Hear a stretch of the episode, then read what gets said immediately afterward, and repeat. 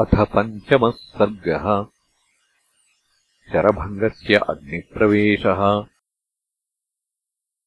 हत्वा तु तम् भीमबलम् विराधम् राक्षसम् वने।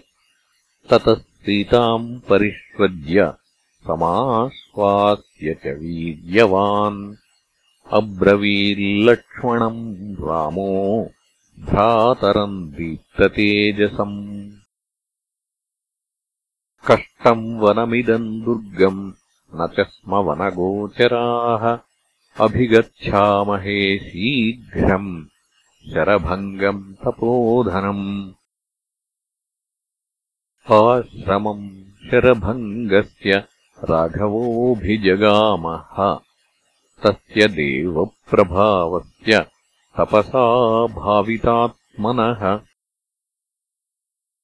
समीपे शरभङ्गस्य ददर्शमहदद्भुतम्। विभ्राजमानम् वपुषा सूर्यवैश्वानरोपमम्।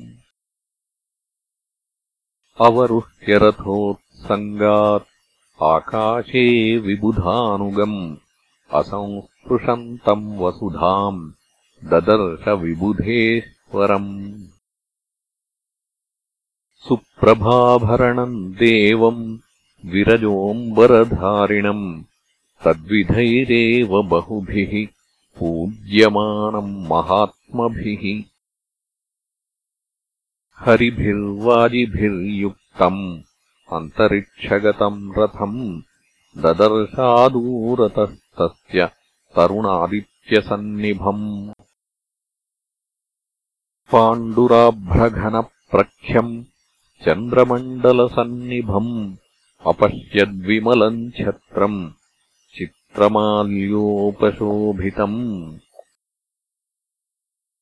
चामरव्यजने चाग्र्ये रुक्मदण्डे महाधने गृहीते वरनारीभ्याम् धूयमाने च मूर्धनि।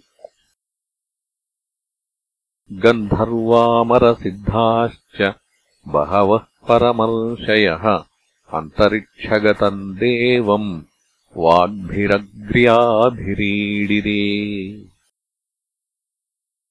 सः सम्भाषमाणे तु शरभङ्गेण वासवे।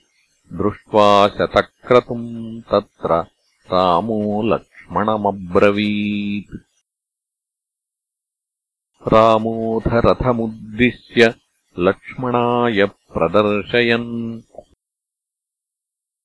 अच्चिष्मन्तम् श्रियादुष्टम् अद्भुतम् पश्य लक्ष्मण।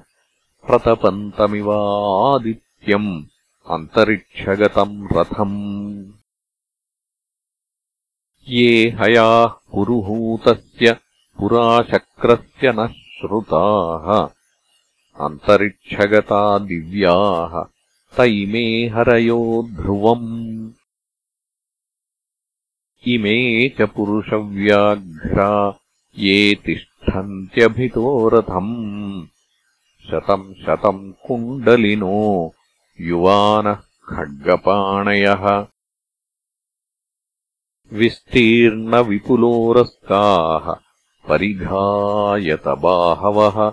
शोणांशुवसनाः सर्वे व्याघ्रा इव दुरासदाः। उरोदेशेषु सर्वेषाम् हाराज्वलनसन्निभाः रूपम् बिभ्रति सौमित्रे पञ्चविंशतिवार्षिकम्। एतद्धि किल देवानाम् वयो भवति नित्यदा। यथेमे पुरुषव्याघ्र दृश्यन्ते प्रियदर्शनाः। इहैव सह वैदेह्या मुहूर्तम् तिष्ठलक्ष्मण। यावज्जानाम्यहम् व्यक्तम् क एष द्युतिमान् रथे तमेवमुक्त्वा सौमित्रिम् इहैव स्थीयतामिति अभिचक्रामकाकुत्स्थः शरभङ्गाश्रमम् प्रति ततः तमभिगच्छन्तम् प्रेक्ष्य रामम् शचीपतिः शरभङ्गमनुप्राप्य विवित्त इदमब्रवीत् इहोपयात्यसौ रामो यावन्माम् नाभिभाषते निष्ठान्नयतु तावत्तु ततो माम् द्रष्टुमर्हति। जितवन्तम् कृतार्थम् च द्रष्टाहमचिरादिमम्। कर्म ह्यनेन कर्तव्यम् महदन्यैः सुदुष्करम्। निष्पादयित्वा तत्कर्म ततो माम् द्रष्टुमर्हति। इति वज्रीतमामन्त्र्य मानयित्वा च तापसम् रथेन हरियुक्तेन ययौ दिवमरिन्दमः। प्रयाते तु सहस्राक्षे राघवः सपरिच्छदम्।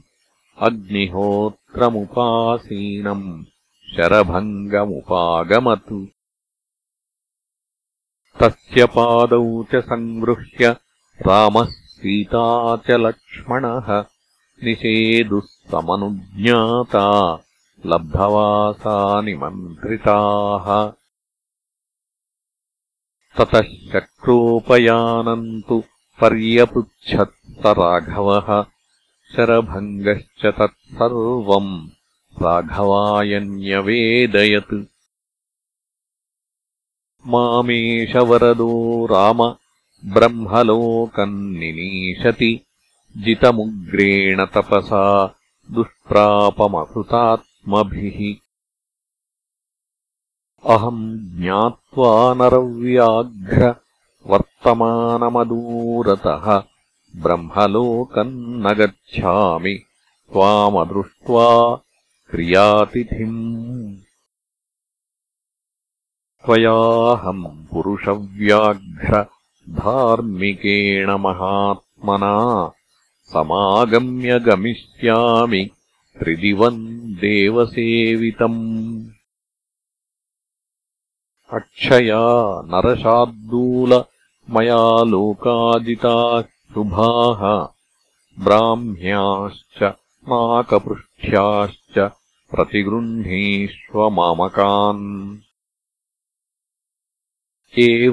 एवमुक्तो नरव्याघ्रः सर्वशास्त्रविशारदः ऋषिणा शरभङ्गेण राघवो वाक्यमब्रवीत्। अहमेवाहरिष्यामि सर्वलोकान् महामुने आवासम् त्वहमिच्छामि प्रदिष्टमिह कानने राघवेणैव मुक्तस्तु शक्रतुल्यबलेन वै शरभङ्गो महाप्राज्ञः पुनरेवाब्रवीद्वचः।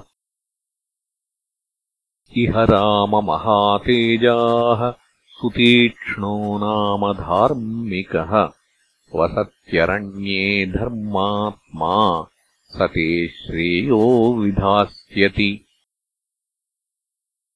सुतीक्ष्णमभिगच्छत्वम् शुचौ देशे तपस्विनम्। रमणीये वनोद्देशे स ते वासम् विधास्यति। इमाम् मन्दाकिनीम् राम प्रतिस्रोतामनुव्रज। नदीम् पुष्पोडुपवहाम् तत्र तत्र गमिष्यसि एष पन्था नरव्याघ्र मुहूर्तम् पश्यतात माम् यावज्जहामि गात्राणि जीर्णान् त्वचमिवोरगः ततोऽग्निम् सुसमाधाय हुत्वा चाद्येन मन्त्रवित् शरभङ्गो महातेजाः प्रविवेशहुताशनम् तस्य रोमाणि केशांश्च ददाहाग्निर्महात्मनः जीर्णान् त्वचम् तथा स्थीनि माम् सशोणितम् रामस्तु विस्मितो भ्रात्रा भार्यया च सहात्मवान्।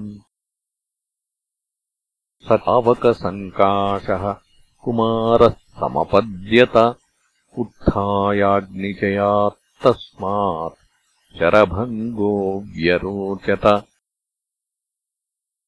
स लोकान् आहिताग्नीनाम् ऋषीणाम् च महात्मनाम् देवानाम् च व्यतिक्रम्य ब्रह्मलोकम् व्यरोचत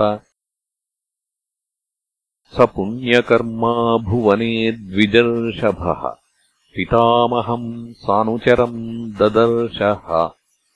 पितामहश्चापि समीक्ष्य तम् द्विजम् ननन्दसुस्वागतमित्युवाचः।